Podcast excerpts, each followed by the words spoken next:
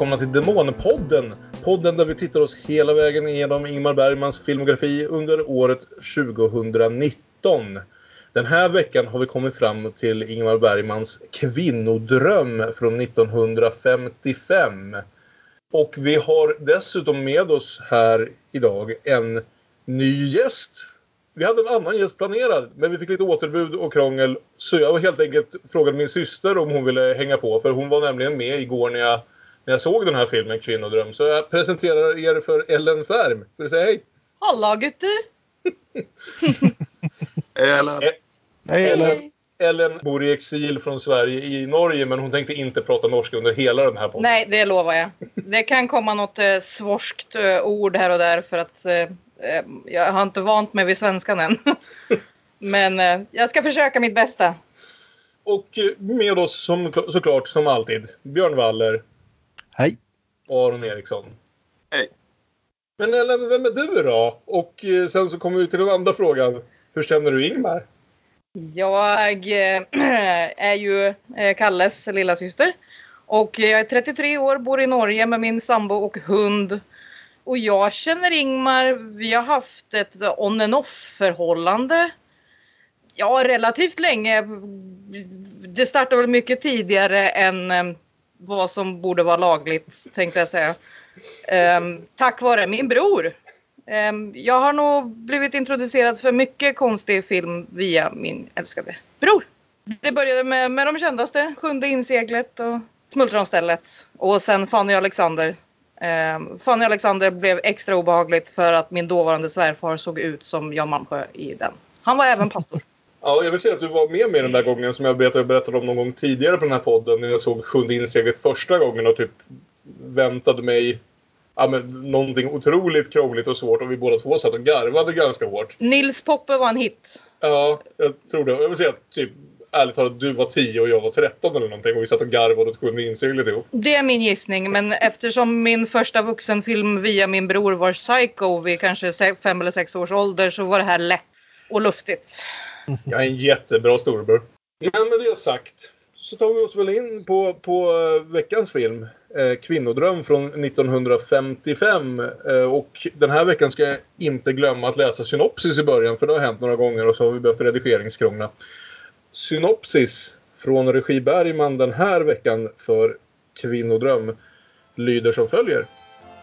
Modefotografen Susanne Frank reser från Stockholm till Göteborg tillsammans med modellen Doris.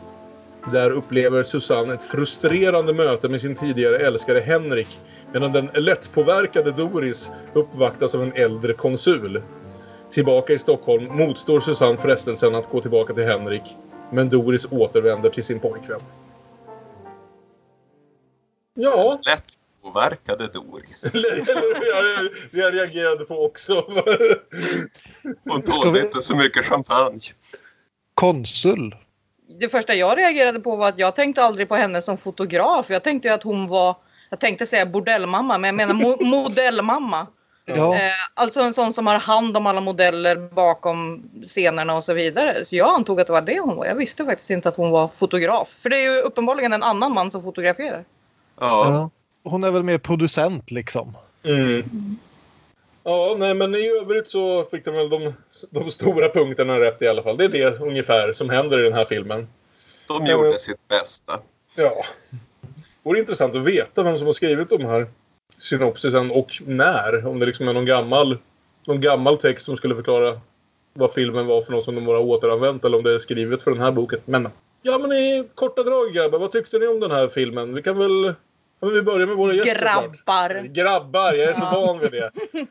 Ellen, vad tyckte du om den här filmen egentligen? Det var första gången på ett tag som du tittade på Bergman. Det var väldigt länge sedan. Jag, eftersom jag är en ivrig lyssnare av denna podcast så blev jag ju väldigt sugen på att se massa Bergman. Men nej, det var väldigt länge sedan jag eh, gav mig på eh, någon av hans filmer som jag inte har flippat förbi på, på norsk tv då. Han är ju väldigt populär i Norge. Men jag, jag tyckte om filmen. Den beskrevs väl lite som en komedi och det kan jag väl ändå tycka att vi ju gjorde några eh, uppenbara skratt sådär. Jag tyckte faktiskt att den var för kort. Jag hade velat ha mer kött på benen på historierna. För det, det var två olika separata historier som var, kunde ha fått en egen film egentligen. Den var lite för lätt och luftig på något sätt. Mm.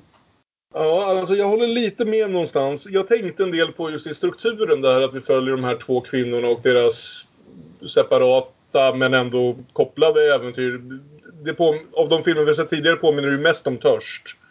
Eh, och i Törst så klagade vi lite lätt, eller i alla fall någon av oss, på, på att de två olika historierna kändes lite väl frånkopplade varandra. Här var ju den liksom anknytningen lite bättre gjord kan jag känna. Men jag kan nog hålla med också om att jag vet inte, balansen var lite, lite av någonstans. Vi spenderade liksom lite för länge med den ena kvinnan innan vi såg den andra igen ibland och sådär. Som gjorde att man liksom nästan hade glömt bort den historia ett vid det laget man återvände från historia två och så vidare. Jo, men sen så var det lite vattnigt på något sätt. Alltså det var liksom, man fick ingen tyngd i det. Jag ville ha mer med Gunnar Björnstrand.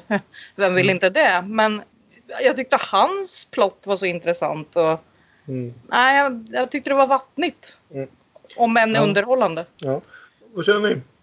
Ja, jag håller med där liksom att den tänder aldrig 100 procent. Eller det, det finns enstaka som är helt... Jag, jag tycker den mest påminner lite grann om kvinnors väntan på gott och ont liksom. Mm. Den når inte riktigt de höjderna som den nådde i sista delen där men den hänger ihop bättre än vad kvinnors väntan gjorde men det är i stort sett samma idéer. Men bara gjort med, det är inte samma, vad ska man säga, det är inte samma svung i den. Nej. Vi kan ju eh, nämna, inte för att vi brukar gå in så där väldigt mycket på privatlivet, men just det här att Bergman har ju sagt att den här misslyckades på grund av depression. Han och Harriet Andersson hade precis gjort slut. De hade kommit fram till att hon skulle göra abort. Och så mitt i allt det här så ska de, eh, får de order av Sandrevs att göra en komedi som drar in lite folk. Och det är väl kanske inte den bästa bakgrunden till att göra en komedi ihop. Nej. Ja, jag, jag tyckte om den men jag tyckte inte den riktigt tände på alla fyra cylindrar samtidigt. Nej. Det är en väldigt dämpad stämning genom Ja. filmen. Ligger en sordin över hela kalaset. Mm. Men jag tyckte ändå ganska mycket om filmen måste jag säga. Oväntat mycket, för det här är ju inte en av filmerna man har talas om. Den nämns som en av de där komedierna som inte var så mycket.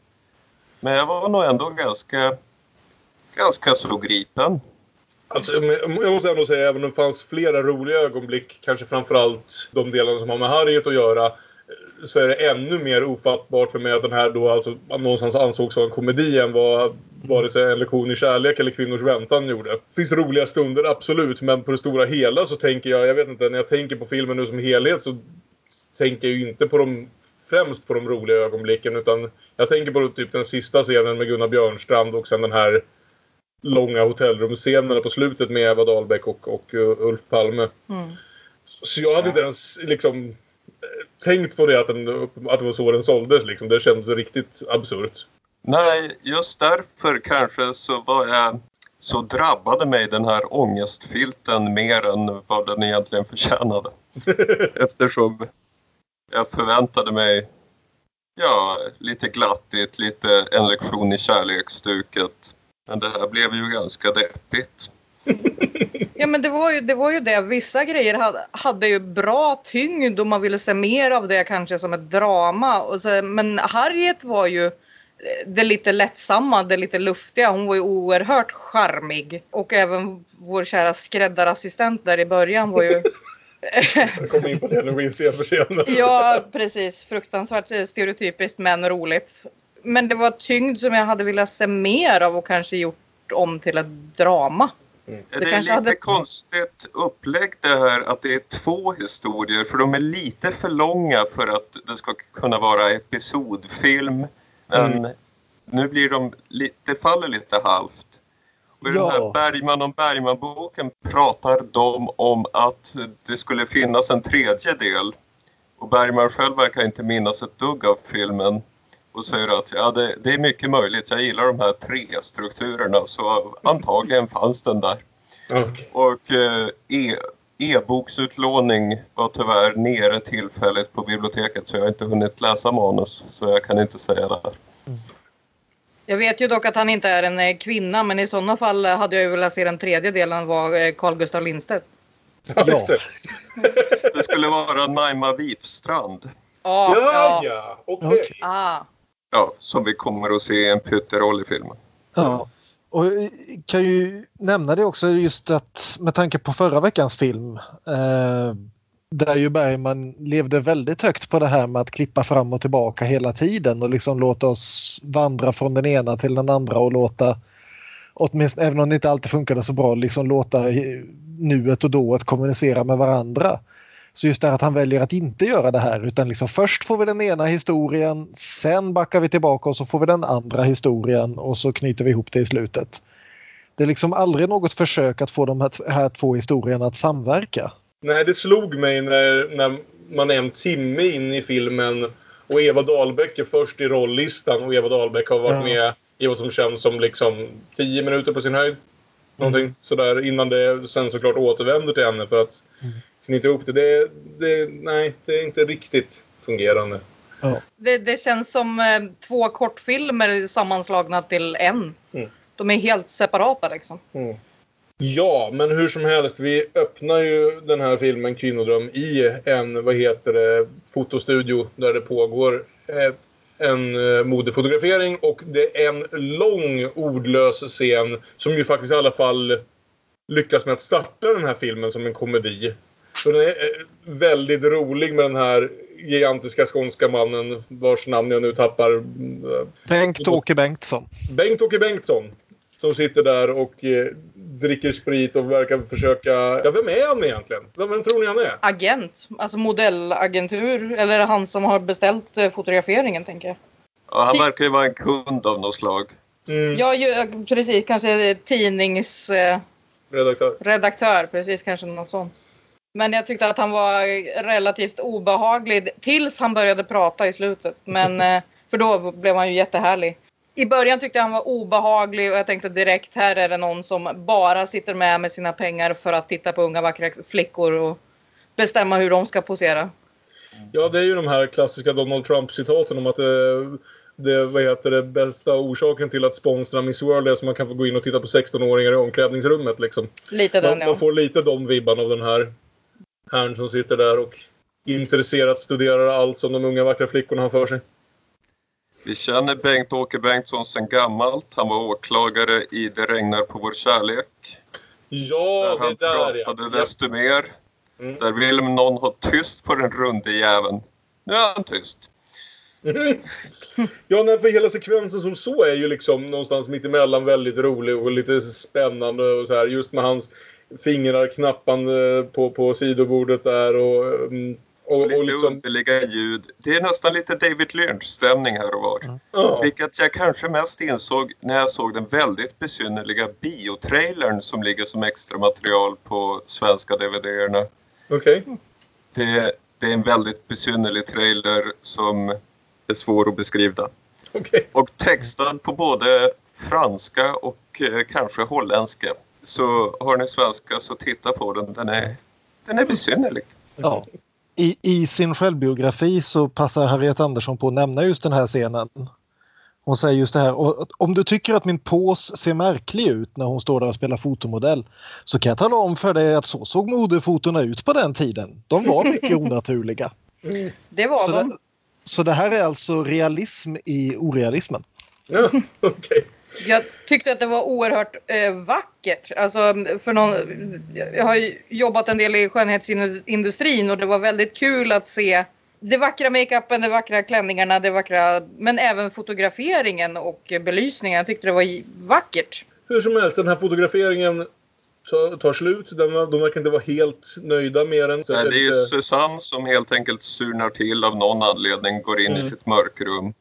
Och Just skvallret bland eh, tösabitarna är ju att ja, hon är lite sur eftersom hennes romans med en gift man i Göteborg har gått, gått åt fanders. Hon hade ihop det med någon sorts disponent nere i Göteborg. Var hett som bara den och rätt så långvarigt visst. Ett helt år säger de. Ja, vad säger ni? Men sen tog det slut. Pang bara. Nej. Hope. Killen var gift förstår jag. Aj, aj då. Nu har Susanne fått fnatt. Hon är fortfarande nere den där killen. Och reser till Göteborg så fort hon hinner. Och Susanne hör detta prat och meddelar att vi ska åka till Göteborg. Min, Ba- Bara Götaplatsen duger för mina modefotografier just idag. min första kommentar där när hon gick in i, eh, i mörkrummet var ju att eh, hon gick in och tände en cigg och jag sa no, big no no. Ganska mycket brandfarliga kemikalier där inne.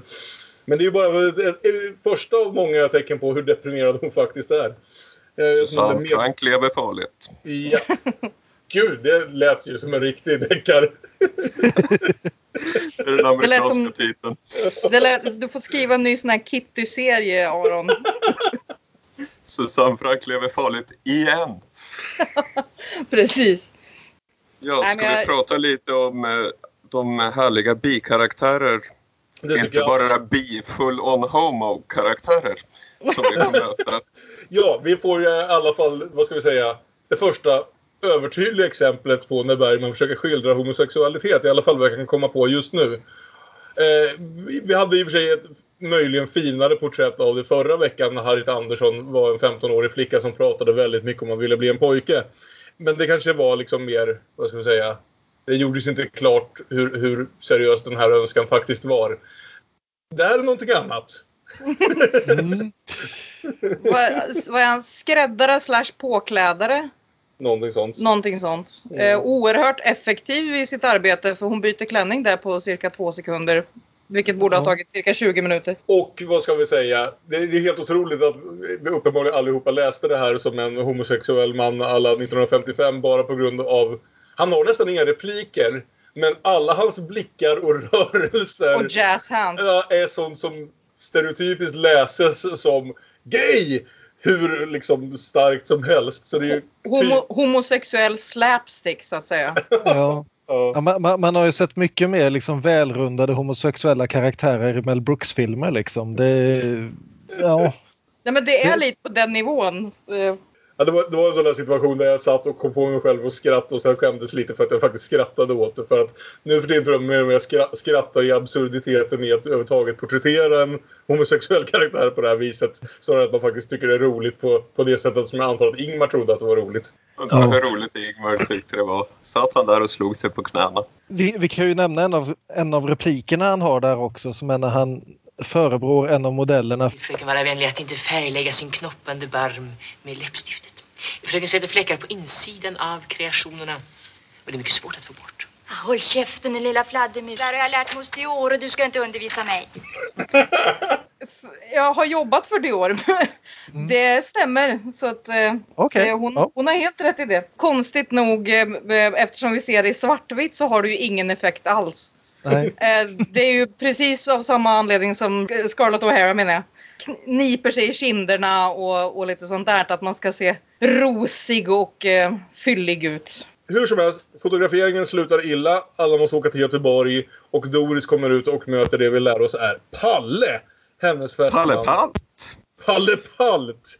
Som uppenbarligen är någon form av student. Så det här, även fast Sven Lindberg är väl, tror jag, närmare 40 vid det här laget. Han är 35. Ja, Men han har studentmössa så man vet vad som pågår. exakt. Så det här är kanske är det värsta fallet hittills av någon som försöker, någon i medelåldern som försöker spela ungdom. Som sagt, vi hade Birger Malmsten i Sommarlek. I mycket mindre illa exempel så hade vi ju, vad heter det, Lars i Sommaren med Monica som var 27 och skulle spela 18. Men, eh, men det här alltså. Jo. Det blir ju absurt direkt när det kommer in en man i liksom, som börjar närma sig medelåldern och, och har en studentmössa på sig och hävdar att han precis har klarat tentan. Ja, och Sven Lindberg ska vi väl säga är ännu en i raden one and done när det gäller Bergmans skådisar. Han gör aldrig någon mer Bergman-film efter det här. Han har inte gjort någon innan. Och det Vad- kan man väl nästan förstå. Vad känner jag igen honom ifrån eh, som inte är Bergman då? Han har varit i hundratals filmer bokstavligt talat. Han, Okej. gjorde, han gjorde typ tio filmer bara 1953. Ah. Han var med i Sopor lite senare. Han var med i Babels hus. Han har varit med i... Ja. Han, han, hans sista roll var 2005. Hans första var 1943. Imponerande. Mm. än så länge... Nej så... förresten, jag ljuger. Han var med i Musik i mörker. Och då förstår man att man inte minns honom. Vi ska, vi ska tillägga, tillägga att den första kommentaren som vår far gjorde på just det här att vi sa att men herregud han är ju 35 och har studentmössa. Eh, så var det faktiskt att eh, pappa kommenterade att jo men det hade man även på högskolan. Okej att han är skådisen är 35 men han behöver inte gå i gymnasiet. Han kan, han kan faktiskt vara uppe i högskoleålder åtminstone. Många är kvar på universitetet vid 35 års ålder. I Musik i mörker spelade han musikdirektören på Blindskolan. Ja, Okej. Vi måste ju alla minnas musikdirektören på Blindskolan när det är dags att göra våra topplistor över 10 mest minnesvärda Bergman-karaktärer och sådär. Så. Det var han som sa åt Birger att bli pianostämmare. Det här är ju en riktigt rolig scen. Jag- När man väl kommer över hur gammal Sven Lindberg är så är det ju en jävla rolig scen. Så än så länge har Kvinnodröm dröm uppfyllt sitt löfte som komedi måste jag säga. Men Ja. det vänds ju på ganska snart när det faktiskt blir dags att åka till Göteborg. Och det här är ju en så väldigt typisk tidig Harriet Andersson-scen också. Att du har liksom hennes kar börjar skälla på henne och tappar bort orden och hon börjar sufflera honom med vad han, vad han ska kalla henne och liksom vänder situationen och tar liksom här är det jag som bestämmer. Du är klädtokig och karriärtokig och lyxtokig och det enda du bryr om det är din egen spegelbild. Dessutom är du elak och egoistisk. Och så är du... Kartokig! Ja, det också. Stå inte och sufflera mig hela tiden. Dessutom är... Du är infantil. Infantil, just det! Jag vet inte vad infantil betyder! Det betyder barnslig, outvecklad, en smula bakom det så kallade flötet. Även om man inte riktigt får känslan av att Palle kanske är vägen framåt i livet för henne oavsett vad som... Nej. Men sen får vi ångest på tåg. Ja, den mest suggestiva tågscenen sedan, sedan Törst i alla fall. I Bergman. Kanske ännu mer suggestiv. Ja, alltså här har, har han ju tittat på film noir i en bra stund. Det kanske är det man gör när man är deprimerad 1955. Men vi får ju den här ytterligare en väldigt lång liksom, ordlös sekvens där Susanne genomgår någon slags panikångestattack medan hon står på tåget och tänker på att hon ska möta den här mannen i Göteborg. Eller ska hon möta honom? Eller hur ska hon hantera situationen? Och hon ser att någon har lämnat en tågdörr öppen. Och som sagt, det finns ju en scen i Törst där Birger Malmsten står och funderar över om man ska knuffa ut sin fru genom en liknande halvöppen tågdörr. Och det är ganska effektivt gjort det här tycker jag. Liksom, det är snyggt ljudarbete, det är snyggt fotat. Jag tycker kanske de här eviga klippningarna fram och tillbaka. Öppen, stängd, vad ska jag göra? Ögon, öppen, stängd. Håller på lite länge, jag förstod det. Efter liksom... Det påminde om vissa eh, kortfilmer vi gjorde i gymnasiet på teaterlinjen som var absurt överkonstlade. Eller Eh, hur? även om det var väldigt vackert så var det väldigt pretentiöst för att vara Bergman.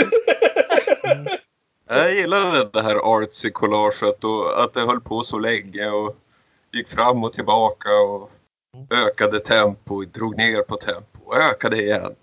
Ja, Jag tyckte den hade han kul i klipprummet. Till svensk slut så sticker hon hu- huvudet genom, genom dörren istället bara och får allt det här liksom regnvattnet på sig som på något sätt får henne att komma till sans och inte faktiskt hoppa av tåget. Vi kommer till Göteborg Och vi checkar in på hotellet. och där står Carl Gustav Lindstedt. Nej, för, först möter vi en herre som är ute och går med hunden. Ja, just det. Sin vackra, vackra pudel. Ja. Och Ingmar. det är alla små vackra Ingmar. Med en vacker, vacker pudel. Ja. Väldigt, jag tycker det var en väldigt eh, oklädsam hund för honom. Jag hade inte sett honom med en pudel. Nej, men han har i alla fall tagit sig ifrån bara att hänga på tåg och gynkliniker. Eh, Han så- testar nu hundtricket.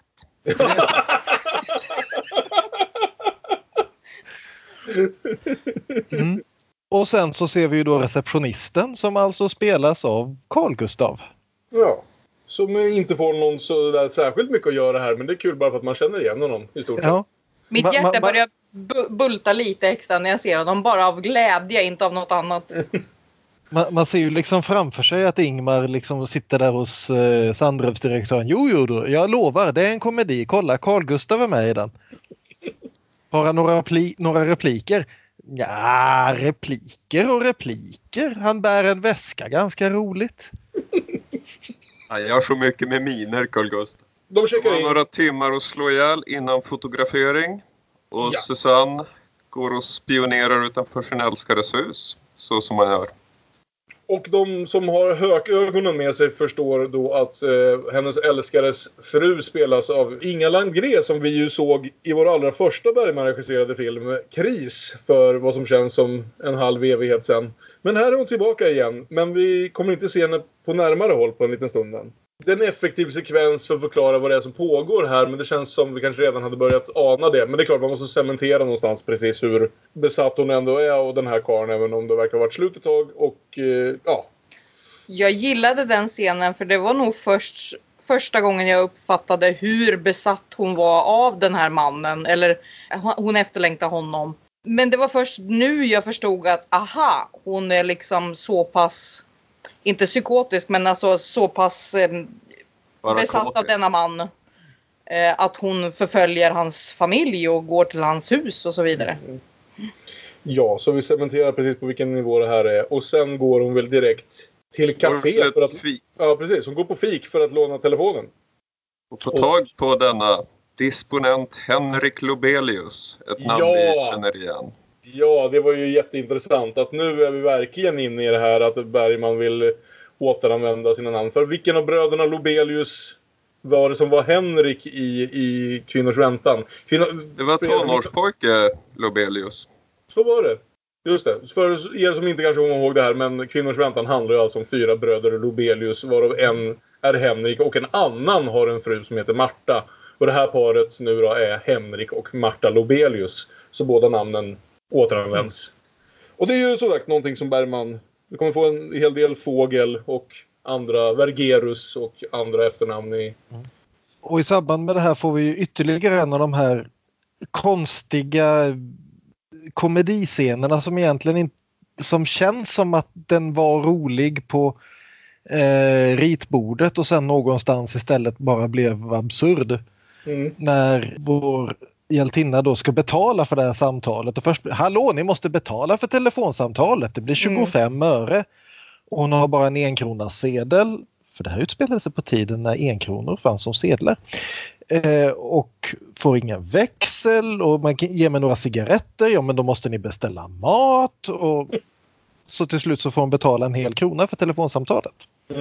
Ja, hon Jo. stämmer också dejt med denna Henrik Lobelius. Ja.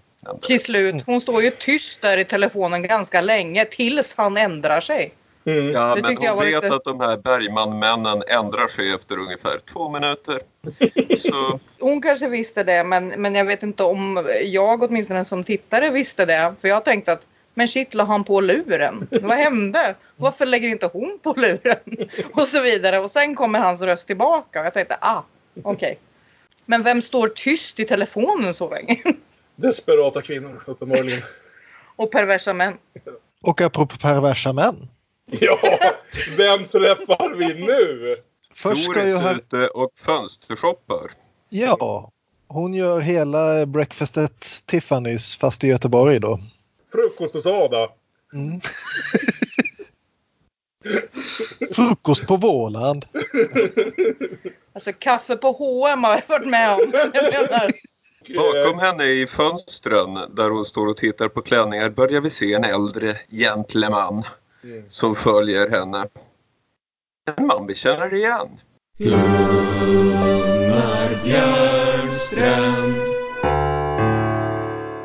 I en av tillbakablickarna i Kvinnors väntan skulle Gunnar spela 15 år yngre än vad han faktiskt är och hade stoppat lite skokräm i håret. Och här ska han väl spela åtminstone 15 år äldre än vad han faktiskt är. Eh, så de har gett honom...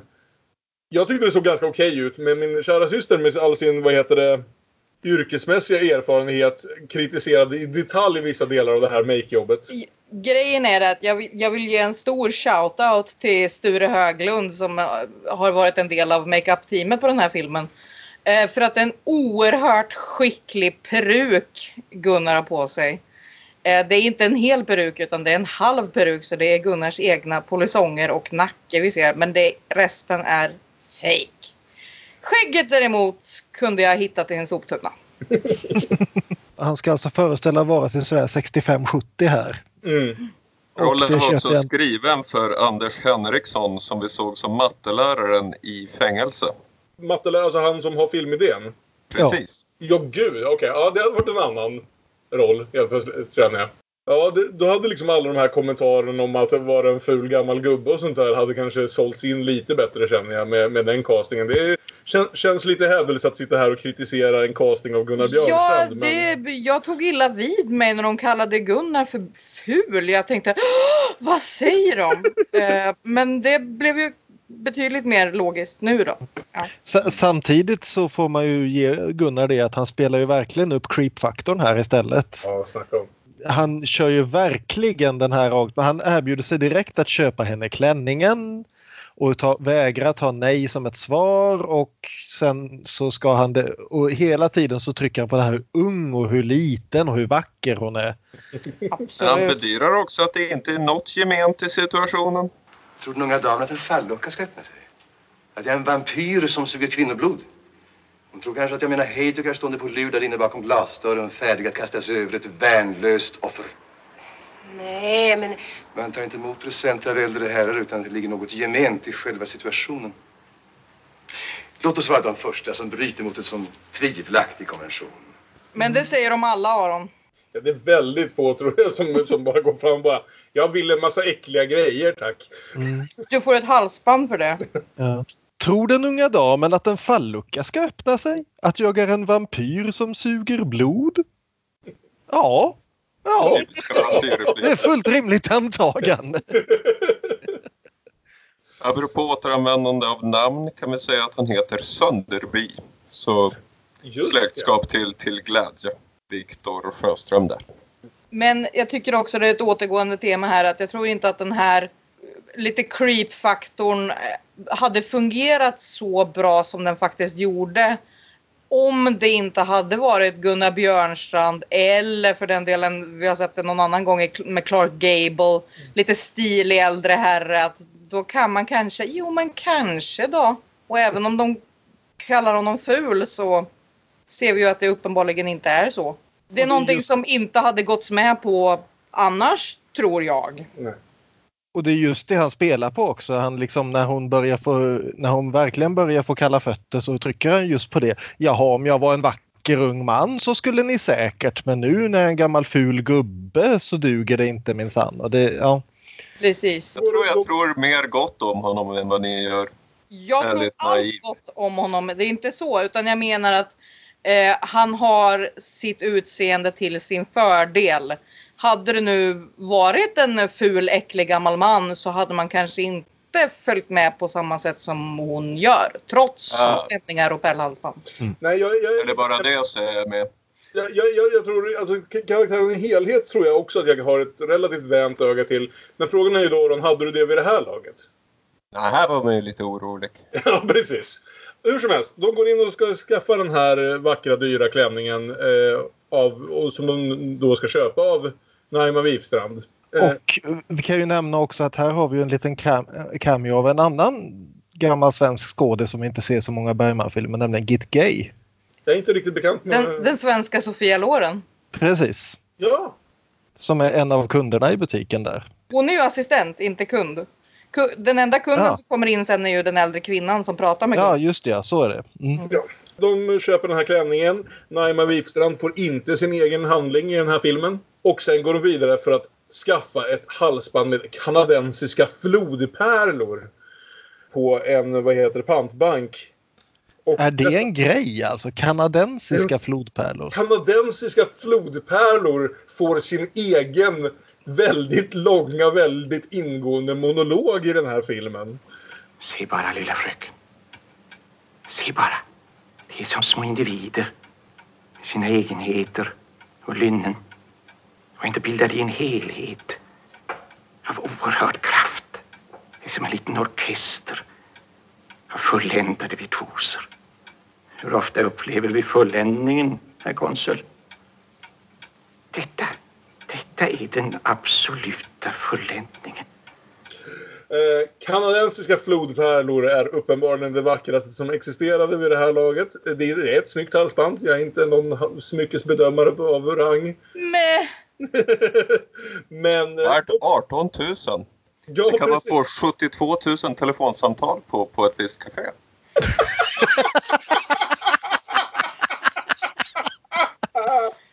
Ja.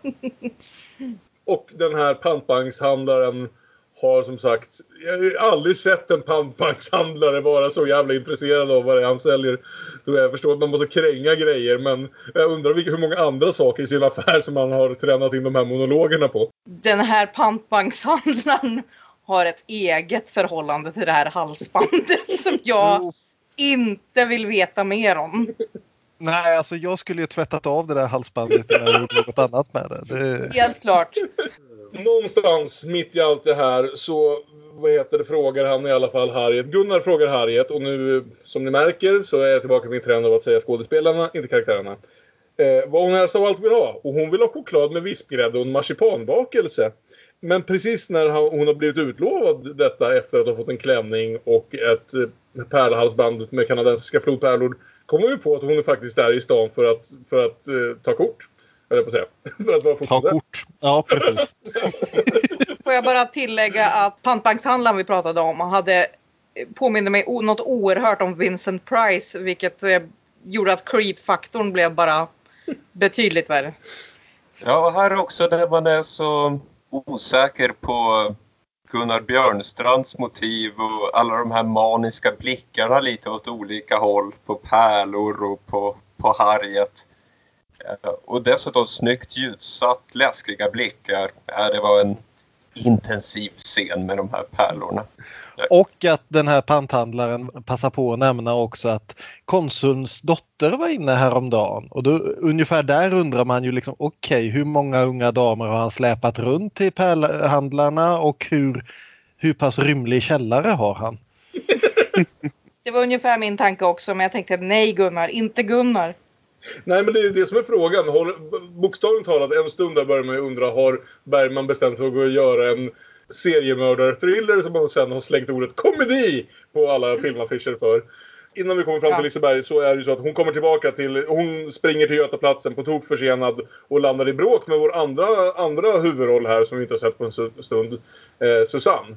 Som ger henne sparken eh, på fläcken i stort sett och säger att de inte tänker ha något med henne att göra längre.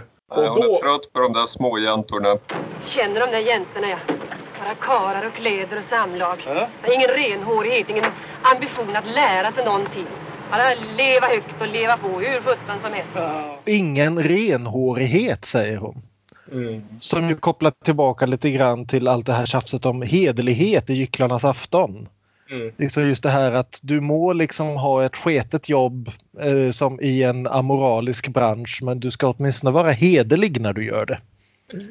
To live outside the law you must be honest som poeten sa. Mm.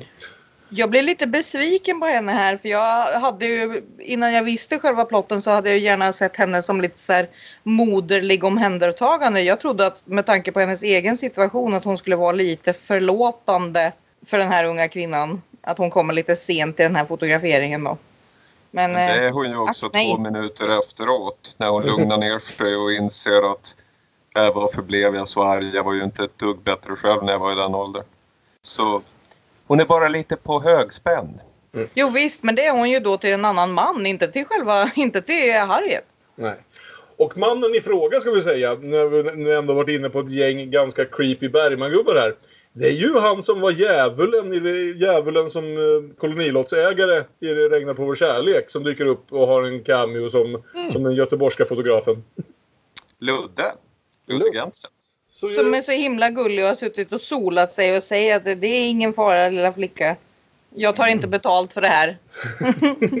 Ja, nej men djävulen får alltid betalt i slutändan ändå. Gunnar Björnstrand har såklart inte alls läskigt nog följt efter till Götaplatsen. Och nu passar det ju alldeles utmärkt att få gå på fik och få lite choklad och vispgrädde och en marsipanbakelse. Nu när hon är ledsen och har fått sparken och allting annat. Eh, och strax därefter, jag vet inte om vi har något mer att säga om just det, men strax efter det så kommer vi ju till en av de roligare sekvenserna där jag vet inte om vi ska kalla det för en reklamfilm för Liseberg 1955. Men i alla fall en intressant studie av, av platsen i fråga. Ja, och som då börjar med deras gamla berg och dalbana. Ja, fy fan. Jag är den enda av oss, vågar jag lova, som faktiskt har åkt den där. För den revs 1987. Oh. Och den är precis, eller den var precis så jävla otäck som det här får det att framstå.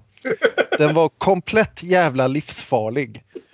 Bara så ni får en aning så var det en anställd på Liseberg som hade som jobb att stå upp längst bak och bromsa. I sådana fall så är det ju oerhört imponerande här nu att hon ser så...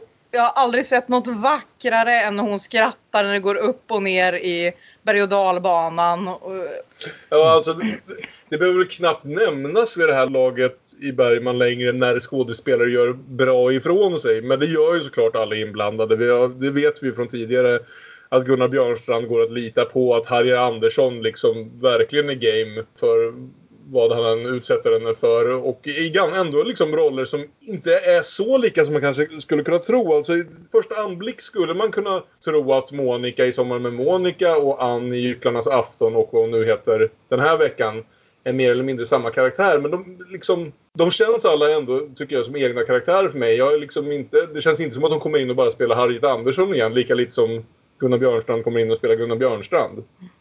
Men en, Det men, har en varit väldigt olika Harriet Andersson. Mm. men en skrattande Harriet hade jag kunnat förstora upp och ha på väggen. Det är det vackraste jag sett. den äldre herren här som om vi säger nu ska vara så pass, vi får aldrig hans exakta ålder som sagt, men han är gammal nog att inte ha varit på bio sedan 1918. Som han säger senare. Han uppskattar inte riktigt Lisebergs charmer, även om man får säga att han, han försöker så långt det går att, att underhålla den unga damen genom att hänga med. Det blir inte bara berg och dalbana, det blir också virvelvind. Ja. Det blir inte bara virvelvind, det blir också skräckexpress. Ja, och under allt det här ska jag säga att, att Liseberg var uppenbarligen inget som någon gick på mitt på dagen 1955 för stället är helt jävla tomt. Och eh, någon, en, en gubbe som jobbar på Liseberg är så jävla glad över att de har kunder mitt på dagen att han följer efter dem genom alla de här eh, vad heter, åkturerna och rekommenderar någon annan grej direkt när de är klara. Jag tolkade ni- det lite som att det var för att han var konsuln som han kanske, alltså nog för att det inte var någon folk där men att han kanske fick rundvisning just för att han var konsul. Jag tänkte till och med att det var stängt och att de bara öppnade för honom. Ja, kanske det. Det är möjligt. Mm. Det visade att han har jättemycket makt. Ja, men han har inte så mycket vana vid att åka virvelvinden. Efter att ha åkt virvelvinden, berg och dalbanan och skräckexpressen så kollapsar han helt enkelt. Och det är ju någonstans i det här montaget, för det är ju verkligen ett ganska långt montage av de här åkturerna på Liseberg. När vi klipper tillbaka först till Harriets leende, jätteglada ansikte i allt det här och sen till Gunnar Björnstrands skräckslagna panik över vad som försiggår här någonstans börjar väl en eventuell sympati för den här karaktären krypa in. För man inser att han har gett sig in på något som man inte riktigt var beredd på. Han blir så blek. Jag minns när min kära gamla farfar gick med på att åka det här sjörövarskeppet på Furuvik med oss små barn och kom ner och var helt grön efteråt. Ja. Det, det här är ju ett av lägena där man faktiskt förstår poängen med det svartvita också. Du behöver inte faktiskt se färgen skifta i Gunnar Björnstrands ansikte för att se Nej. den så att säga. Nej. Det, Hur som helst, konsuln kollapsar av dessa vanvettiga upplevelser och erbjuder Harriet att följa med honom hem. Och hon gör väl det och känns det mer som vid det här laget bara för att kolla så att han mår okej. Det är liksom, Ja, ja, Han har ju också slagit handen. ja just det. Han har skrapat handen när han kollapsar utanför skräckexpressen. Hon följer med honom till en sån här gotisk, väldigt gotisk byggnad, murgrönor överallt. Och här någonstans, jag vet inte om ni andra hade den här teorin också, men jag hade redan, redan börjat ana om att när han inte avslutar köpet av de kanadensiska flodpärlorna utan säger jag kommer in imorgon och ordnar upp det med pengarna. Och sen nu när han kommer hem och ropar efter en hushållerska som inte är på plats. Så tänkte jag, han fejkar, han är pank. Började jag ana här. Det var liksom, och det, det är inget som någonsin liksom kom, vi får någon slutlig bekräftelse på åt det ena eller andra hållet. Men det är i alla fall min teori. Jag vill säga att Gunnar Björnstrand har inte så jävla gott ställt som, som han vill få det att verka här. Jag hade också tänkt det om han inte hade bett gräddaren att sända hem klänningen och skorna. För att det kan du bara ta emot om du skriver under och då tror jag att det är kört. och vi får ju eh, en ganska talande scen här. Och, återigen apropå creep-faktorn, även om han börjar bli betydligt mer sympatisk för det här laget. Så har vi det här läget där hon presenterar sig. Det är väl dags att vi liksom lär, lär oss varandras namn också. Mm. Och han rabblar en väldigt lång radda av förnamn och så säger han åt henne att välja ett. Jag heter Doris. Kan inte kalla mig för Doris. Tycker det låter så himla fånigt med min unga dam eller min unga fröken eller flickan. Mitt namn är Erik Otto Adalbert Karl Henrik Kristoffer. Doris får välja det som passar bäst. Farbror. Helst inte farbror. Mm. Och jag är fortfarande inte säker på om det här ska liksom läsas som ödmjukhet och blyghet eller som liksom lite sån här subtil eh, powerplay att ja, du får väl välja ett namn och kalla mig då. Jag har många namn. Jag låtsas att du får ett val här liksom. Men vad händer egentligen här lite kortfattat? Hon spelar Boogie Woogie. Han... Jag Ja, klänningen kommer och hon ska prova på den. Mm. Eh, De har också börjat dricka lite champagne här. De har börjat hetsdricka champagne kan vi bokstavligt säga. Nej, för, först, först lägger de på musik. Ja, Och, och vilken skiva är det hon lyfter bort för att lägga på lite boogie-woogie? Sarabada. Sarabanda av Bach. Jaha. En liten eh, listig föraning där från Ingmar. Haha, om 50 år ska jag göra en film som heter så här. Long game. Det, det är här min eh, teori kommer in. eh, Att eh, i början där när hon var svår, när Harriet var svårflörtad och, och, och mm, lite blyg och inte ville gå med. Att hon kanske påminde om hans eh, eh, fru. Men sen här när hon börjar festa till det, dricker champagne och skämtar lite med honom, dansar och så vidare så kanske det blir lite för incestuöst påminner om sin egen dotter och så vidare. Och därav att blekheten kanske inte ger med sig. Ja, för vi har ju även här, jag tror det hände snäppet innan där, vi har ju fått hela Konsuls backstory helt enkelt. Hade en fru som blev galen och eh, befinner sig på sinnessjukhus och han har också en ung dotter ungefär i Harriets ålder som har supit ner sig och som kommer och kräver honom på pengar med jämna mellanrum. Vem är den vackra flickan? Det är min hustru. Är hon död? Hon sitter på sinnessjukhus sedan 23 år. Hon blev sjuk strax efter förlossningen. Hon trodde att hennes nyfödda barn hade varghuvud. Är den dottern ert enda barn? Ja, det är mitt enda barn. Bor hon här? Mycket sällan. Frågar jag för mycket? Jag svarar ju. Vi ser även väldigt klassiskt film noir och, eller gotisk, eh, gotisk skräck till och med. Att han har ett stort, stort porträtt på väggen av sin galna hustru. Och hon påminner ju läskigt mycket om Harriet när hon står precis framför den här bilden. Jag tyckte inte det var så likt. Okej. Jag tyckte hon såg... Eh, Jag funderar, är det meningen att de där ska vara identiska? För det såg ut som de hade framat upp det att här ska man se, åh vad de är lika. Mäh, mäh. Jag är med dig på den Aron. Jag tyckte också att det var meh, mörkt hår, meh, söt. Och återigen det här liksom sättet som Bergman i brist på bättre ord använder Harriet Andersson i hennes tidigare roller. Liksom just det här bilden av ungdomen. Mm. Att hon får verkligen spela 19-20-åring här liksom. Och, eh, liksom håller på och hoppar på soffan och återigen faller tillbaka i det här liksom Sommaren med Monica. Vad är det mer? Och sätter sig och börjar rabbla alla saker hon vill göra för hans pengar. Hon vill spela in en film, och hon vill ha en sportbil och hon vill ha en bungalungalow. för att i nästa ögonblick bara, du förstår väl att jag skojar med det? Det är bara för att du är så söt fast du är så ful, för det gör dig söt. Förstår du att jag skojar med dig? Förstår du det lilla Otto? Förstår du att jag inte vill ha någonting av dig? För jag tycker att du är så söt. Det vill säga, du är hemskt ful. Men du är så ful så du är söt.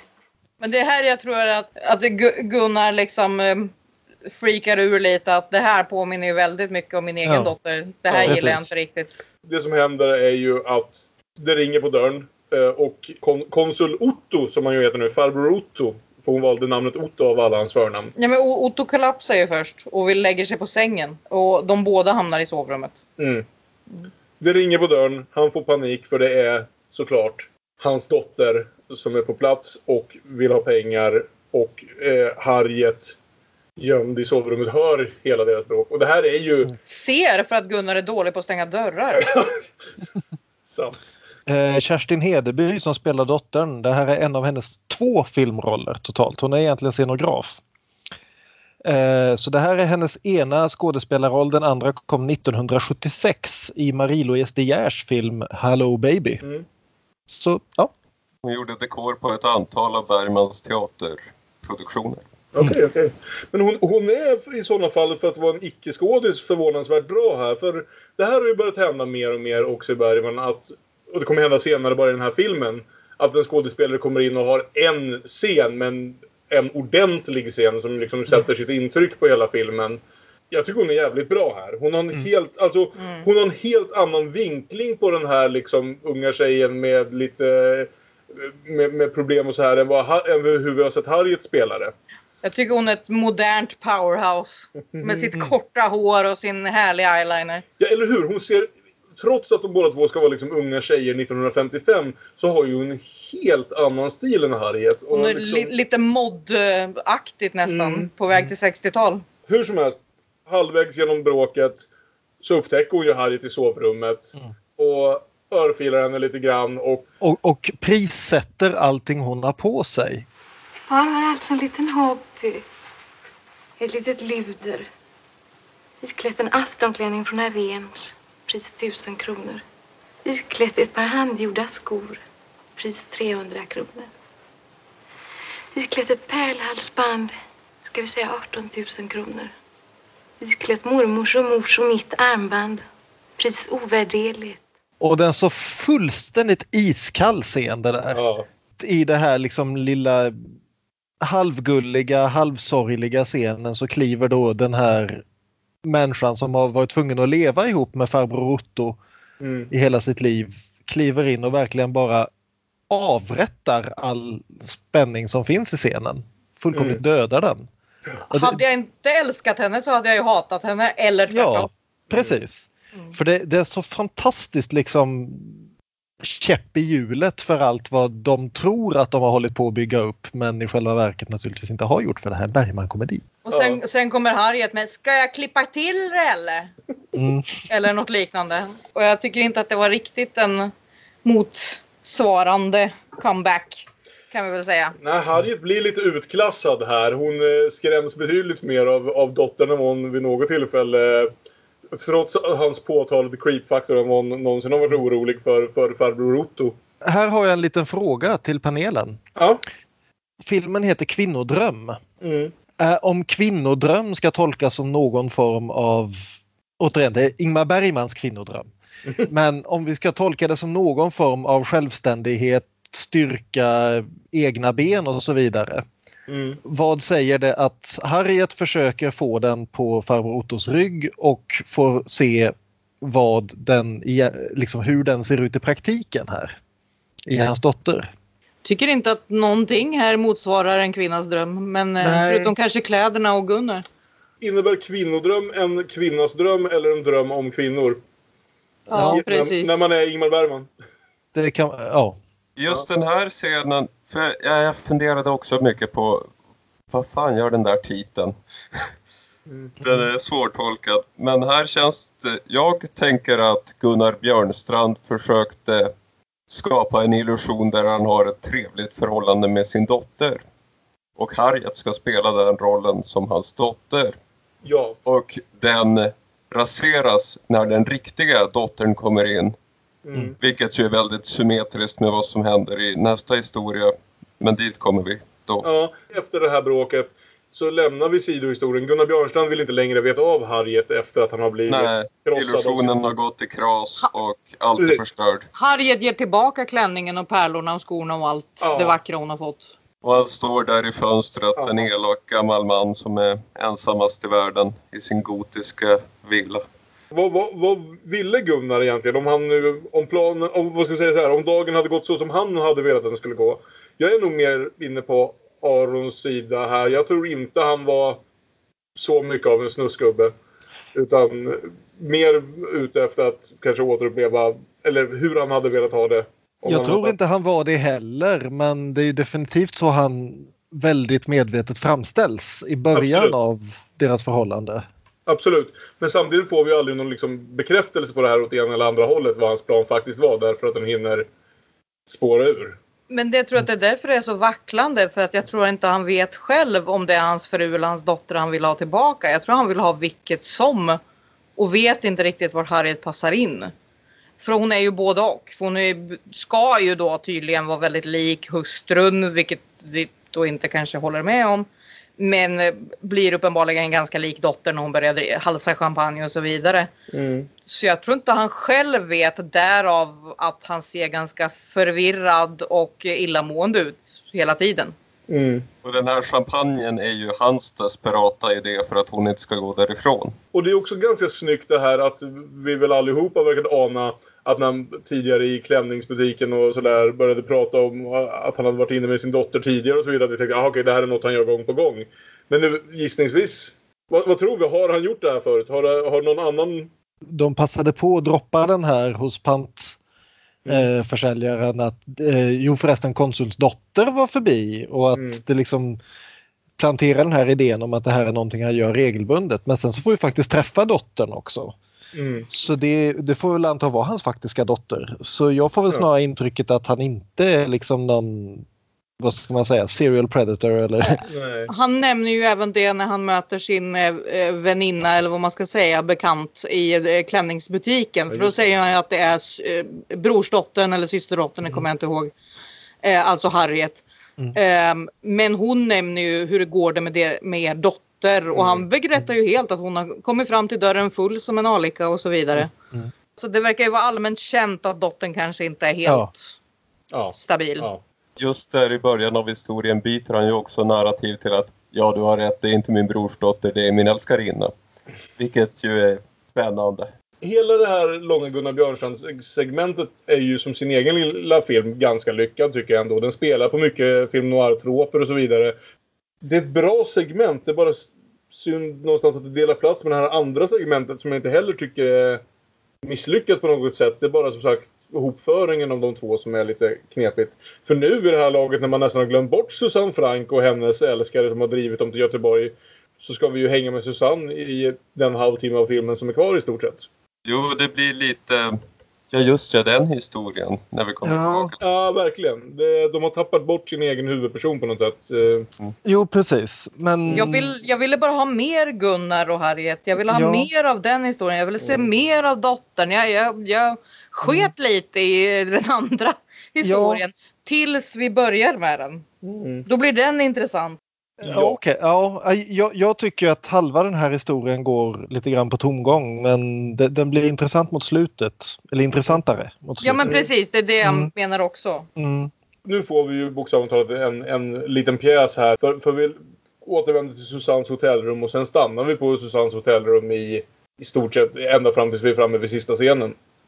Nej, vi är nere i lobbyn med, med Carl Gustaf Ja, det är Lindstedt sant. igen. Det är vi faktiskt. Vi får se Carl Gustaf igen. Ja. Ja, eh, efter mycket om och men så möter vi då Susannes älskare som vi har hört, tala, hört talas om under första halvan av filmen. Spelad av Ulf Palme som vi försökte lista ut igår vad han har för relation till den än mer berömde Olof Palme och han är en kusin eller någonting sånt vill jag säga. Vi såg honom senast i Sånt händer inte här. Jaha! Ja, jag, är ju inte, jag är inte jättebekant med Ulf Palme som skådespelare måste jag säga. Och jag såg ju inte sånt hända inte här. Han var även med i Medan staden sover. Ja, okej. Mm. Och mest redan- känd för mig är han från Flicka och hyacinter. Och det här blir ju liksom en mer traditionell... Det är nog så här som de här scenerna tänker jag att många föreställer att så här är Bergman. Eh, ja. Och de står dessutom framför en så oduglig jävla backdrop som ska vara utsikten över Göteborg men som bokstavligt talat ser ut som att de bara hängt upp en affisch. Ja. Som jag satt och han störa mig på. För, för det är inte... Det är inte något actiontempo här längre utan det saktar ner lite för mycket trots att vi pratar om en film som har två hela historier och ändå är över på 88 minuter så på något sätt hinner den Mm. ändå vara lite långsam här. Jo precis, för, för det som händer här är ju liksom det är det här klichémässiga Bergman-paret Som han förklarar till att börja Han är absolut iskall till att börja med. God dag, Henrik. Hej Susanne. Vad roligt att se dig en gång till i livet. Jag hoppas att du mår bra.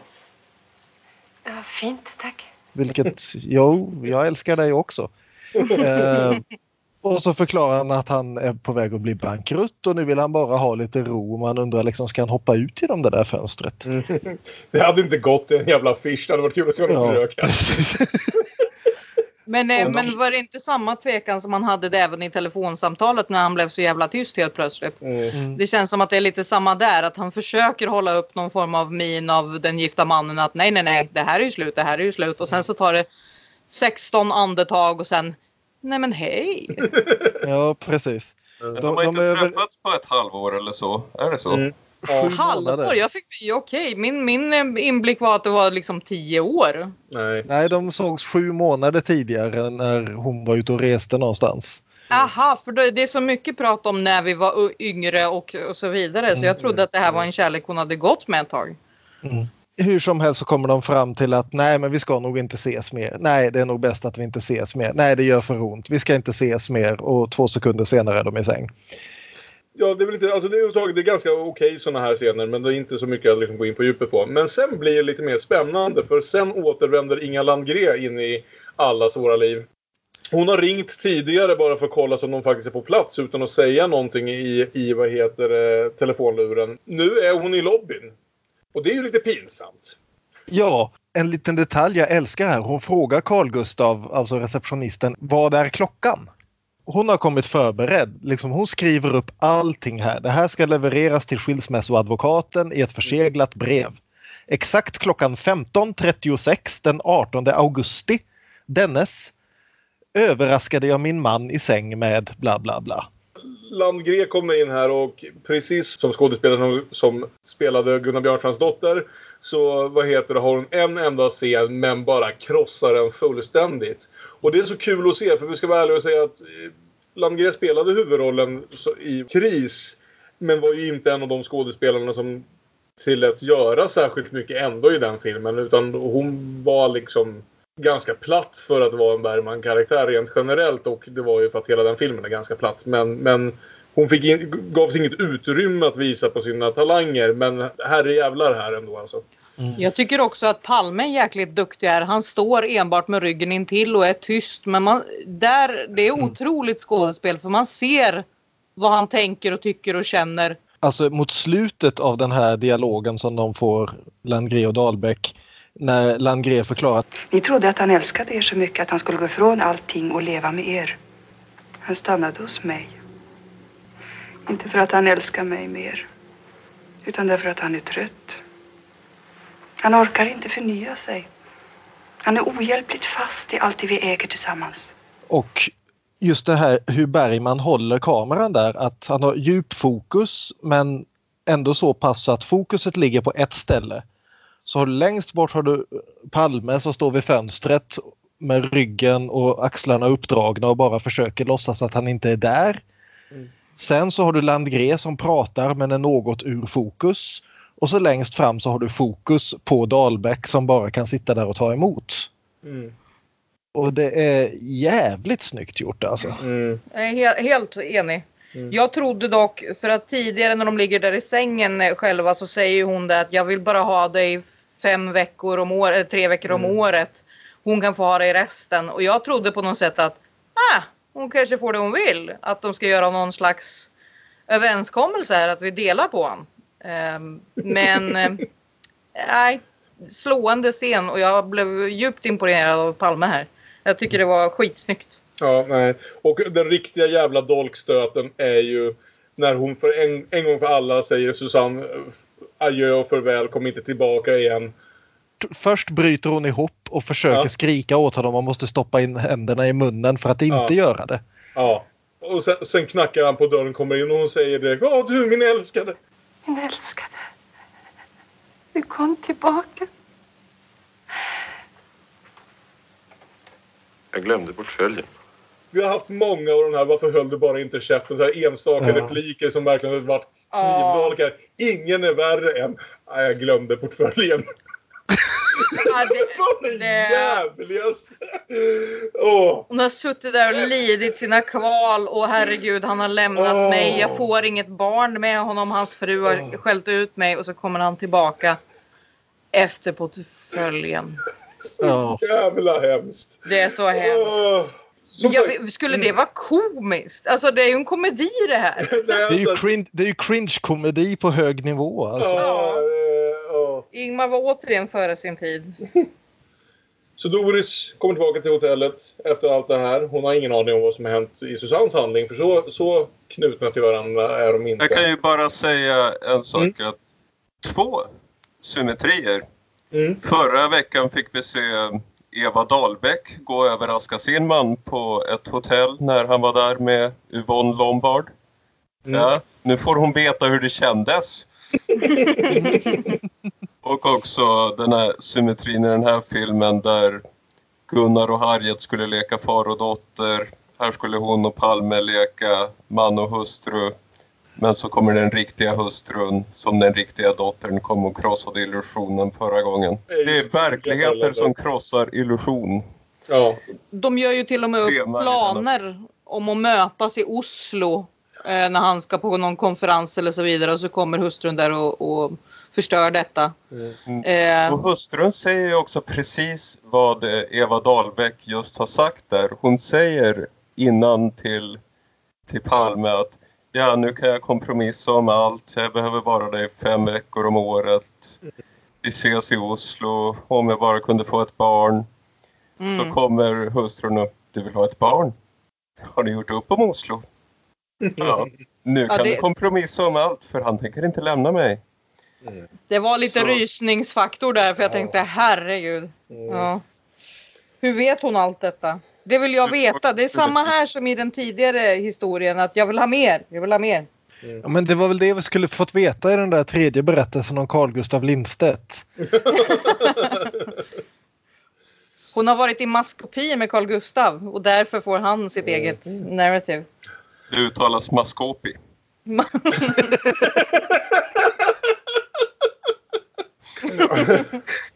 Doris och Susanne hur som helst. Doris kommer tillbaka.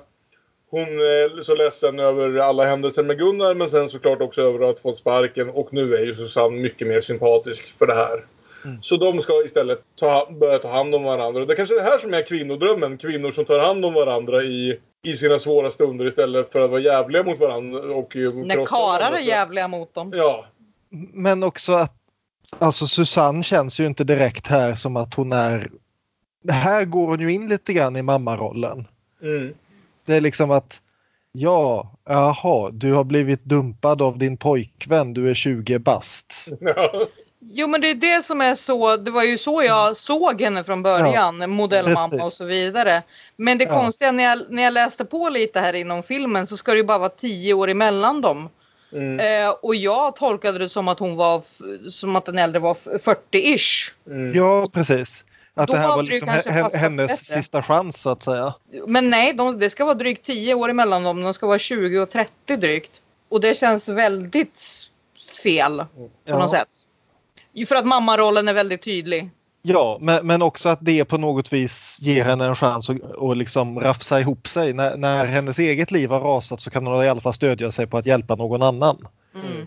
Och liksom låtsas vara sympatisk för det här liksom att nu går vi och tar en sup och en bit innan vi åker hem till Stockholm igen. Ja. Mm. Men kan, kan inte bara ha, också ha varit att koppla in det här med, med barnalängtan och så vidare. Ja. Att Mm. Mammarollen kanske var lite efterlängtad på något sätt. Att de faktiskt skulle börja få ut de, de känslorna, de moderkänslorna inom sitt yrke istället och vi faktiskt har hand om en hel bunt yngre damer. Ja. Eh, ja. Hur som helst, Ja. De åker hem igen och vår store skåning får en... Bengt-Åke Bengtsson. Med K på båda ställena i stavningen. Det borde göra. Bara det är suspekt. Vi kommer tillbaka och han får faktiskt öppna munnen vilket han aldrig gjorde i den första scenen där han var med. Och, Och jag tyckte inte om honom eh, när vi ser honom i början. Jag tyckte han var oerhört creepy och nästan kanske lite mafioso och lite Mm. så vidare. Men här direkt han öppnar munnen så blir jag så glad. Ja. Jag hoppas att Göteborgsresan gav goda resultat. kan man säga. Finfina idéer och goda bilder. Det regnar. Jag fick ställa in. Jaså, minsann på det sättet. Ja, men eh, jag hoppas att själva resan som sådan var angenäm. Jag menar som ett avbrott i vardagslivets enahanda. Men det kanske också är eh, resan i filmen. Det som först var lite creepy visar sig vara en charmerande skåning. Och Doris bestämmer sig för att, för att eh, bli ihop igen med världens äldsta student och sen är filmen slut. Det händer väl inte. Susanne river sönder ett brev från henne. Ja, precis. Och Ja, precis. Alltså, först ska jag säga Susanne har alltså ringt till Palle och bett honom komma dit och lappa ihop det med Doris. Ja, just det. Och han Palle är bakfull. Palle är väldigt bakfull. Hej. Jag är bakfull. Ja, jag ser det. Du ville tala med mig? Ville jag? Ja, hon sa det den där Susanne. Det måste vara ett missförstånd. Hörru, hur mår du egentligen? Jag är bakfull. Jag var ganska bakfull när jag såg det här. Jag, jag det var det mesta jag sympatiserade med Palle i hela filmen. Så han sitter och nursar någonting som ser ut som en whisky eller något liknande och kyler pannan och så vidare. I övrigt tycker jag inte att han ser så väldigt bakis ut. Nej. Otrovärdigt Palle. Det var därför han inte fick fler roller. Och samtidigt så får då Susanne ett brev från eh, Ulf Palme som hon läser och där framgår det att men jag ber om ursäkt för min frus beteende. Det måste ha varit väldigt obehagligt för dig men vi ses väl i Oslo ändå va? Alltså, jag vill bara säga, no offense guys, men det är så jävla typiskt karar. Helvete! Fram och tillbaka kan aldrig komma rak och... Nej, nej, usch! Så eh, Doris blir ihop med sin pojkvän igen och Susanne river sönder brevet och börjar gå vidare med sitt liv. Samma sensmoral som vi har haft i en del tidigare filmer här, liksom att när man är 20 kan man få drömma, när man börjar bli äldre får man börja se livet som det faktiskt är. Ja, och det var just till slutet på denna kvinnodröm. Det var, eh, tror jag, en ganska utförlig diskussion. Några sista ord? Ja, jag, gjorde ju en shoutout där till Sture Höglund som var ansvarig för eh, makeupen och eh, perukmakeriet. Eh, han har även gjort, gjort sminket i Änglar finns de. Mm. Och den briljant titlade eh, filmen Kyssen på kryssen. Jag ville bara tillägga det. Bra tillägg. Ja, jag hade eh, en liten kommentar till apropå det här med exakt vad den där kvinnodrömmen är. De hänger inte ihop så vä- väldigt bra men de har ändå det här tematiska tillsammans med liksom två generationer kvinnor även om de nu ska föreställa att vad, vad, vad, sa du, två veckor åldersskillnad eller någonting sånt. Men det, ser- så som de faktiskt för, föreställs i filmen om man inte har läst manuset och så som de faktiskt presenteras så känns det ju som att det är liksom en generation emellan dem. Mm. De är båda självständiga kvinnor men på olika sätt för de befinner sig på olika ställen i livet. Jag kommer att tänka på det för en bok jag läste nyligen som är Gun-Britt, Gun-Britt Sundströms ska jag säga, För Lydia. Som då är hennes cover på Den allvarsamma leken. Där hon vid något tillfälle skriver då apropå den här Lydia som då är kvinnan som en gift man är otrogen med. Att hon kunde inte vara oberoende så länge inte han var det. Verkligheten var istället den att hon hade blivit beroende av hans fru. Och kommentaren som då eh, Ulrika Knutsson skriver i företalet i den här boken att det är filosofisk slapstick och kärnan i den fe- feministiska paradoxen att den fria kvinnan fortfarande är beroende av den fria mannen. Mm. Ja. I see your point. Jag tycker ju att, så, som jag sa tidigare, att den är urvattnad och det är två kortfilmer gjorda till en långfilm. Men det är också, i vart fall från mitt perspektiv, är porr. Ehm, för att hur vackra skådespelerskorna än är så jag vet inte om det är Ingmars fel eller någon annans att här ska vi dra långa tittningar på hur vackra de är och hur fina de är i sina klänningar och jag förstår att det handlar om en modellverksamhet och så vidare. Men jag tyckte det var ganska uppenbart att här ska vi titta på dem. Mm. Det, det var en sak jag faktiskt tänkte på som var så här att när den, filmen började och den handlade om liksom modefotografi och så här så tänkte jag att det här faktiskt skulle komma till någon form av satirisk användning eller i alla fall någon slags kommentar kring allt det här att det skulle användas för den större bilden. Det gör inte så mycket det tycker jag ändå. Själva liksom valet av de här som, som liksom fotomodell och modefotograf är mest, det hade kunnat berättas mer om i helt andra roller känns det som. Vilket är lite konstigt när introt fokuserar så väldigt hårt på vilka de är och vad det är de sysslar med. Jag tror det är en ursäkt för att få pareda fram dem i vackra kläder och eh, ogla på dem lite grann. Ja, men då så. Fram om ingen annan har något mer så för det oss fram till... Dubbelbull, dubbelspel, parhäst, filmfest. Gästerna först som sagt är väl en god princip. Så, syster Ellen. Vad har du för film som du vill para ihop kvinnodröm med? Ja, jag tänkte just på det här med eh, perversa män och vackra kvinnor. Eh, och ja, det första jag började tänka på var ju Woody Allens Celebrity. Som kanske inte i stora drag, det är snarare en mansdröm än en kvinnodröm. Men det är just det här modeindustrin, det är vackra kvinnor om eh, en äldre man som kanske är olycklig i sitt eget liv eh, och som letar skönhet på annat håll. Och, och svartvit om vi ska vara så Ja. eh, enkla. Så det var den jag tänkte på. Följdfråga på det. Är Celebrity en bra film? Eh, på samma sätt som det här är en bra film. Okej. ja, Björn. Ja, jag kommer att tänka på just den här diskussionen runt Carl Gustavs roll. Att återigen, hur vet frun allt det här? Plus att det här hotellet ser ju lite misstänkt litet ut alltså. Det, är ju, det består i princip av en foyer med tre rum. Och jag kommer att tänka på att det finns en variant av den här filmen där Carl Gustav är den som spionerar på alla och tar reda på allt och styr alla dit de ska. Carl Gustav kanske till och med är en metafor för Ingmar Bergman. Och då kommer jag att tänka på just vad finns det för filmer om hotell där portieren spionerar på alla. Så då, då kommer jag att tänka på Drew Goddards Bad Times at the El Royale. som ju också är en film om utsatta kvinnor och om män som är lite lagom creepy och bra mycket äldre än dem. Och om portierer som vet saker de inte borde veta.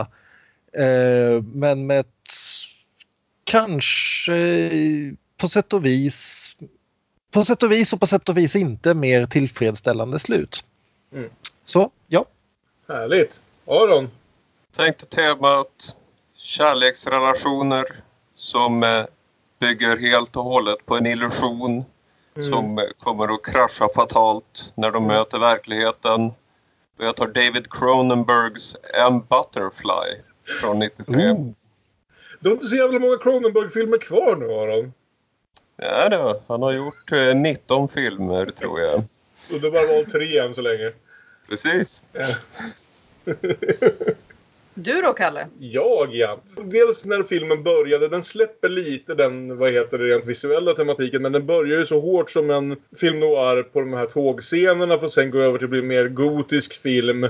Och sen dessutom ska jag säga den återkommande Bergman-cameon. Jag hade svårt att släppa tanken på hur mycket Bergman tittar på Hitchcock, eller för den delen hur mycket Hitchcock kanske tittade på Bergman.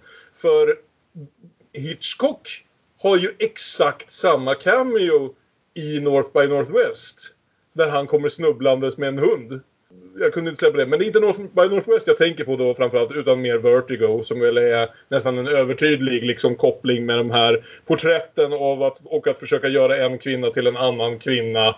Och eh, män som försöker komma över sina tidigare passioner genom att återskapa en person i rollen som någon annan. Jag bara gissar att om man sitter och lyssnar på en podcast om, om Ingmar Bergmans kvinnodröm som man kanske förmodligen redan bekant med Vertigo så jag kanske inte behöver liksom förklara för mycket om den för de flesta lyssnare men man kan alltid se Vertigo igen. I alla fall om man är jag. Alltid, flera gånger. Men, Ja. men apropå det så tycker jag ju att eh, Susanne och eh, Kim Novak eh, har ju en otrolig, de är otroligt lika. Ja, absolut. Ja.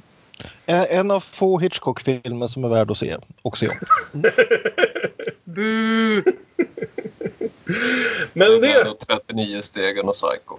vi, eh, det för oss fram till slutet på veckans avsnitt om Ingmar Bergmans kvinnodröm från 1955. Ni får gärna om ni vill lyssna på oss igen nästa vecka när vi är framme vid en av de riktiga klassikerna. Eh, Sommarnattens leende. Och eh, jag har tvingat med syran även denna gång så vi får en gäst som återvänder här två gånger på raken. Yay! Ah, Det är jag som är dubbelbullen! Om ni vill kan ni nå oss via alla möjliga sociala medier. Vi är at Damonpodden på Twitter och på Instagram. Man kan söka på Damonpodden med Ä på Facebook eller mejla oss på damonpodden at gmail.com. Och om jag har förstått det rätt så har Aron naturligtvis återigen gjort en stark insats och skapat en låt för oss den här veckan. Denna gång med en speciell gäst. Ha det så bra så hörs vi nästa vecka. Hej då! Hej då! Jag, jag är inte bättre än att tro Låter drömmen leva för ett tag Monstret skrapar med sin vassa klo men lever drömmen lever även jag. En kvinnodröm ska rimlighetens gränser stå i vägen för perfektion. En kvinnodröm måste kanske förbli en illusion.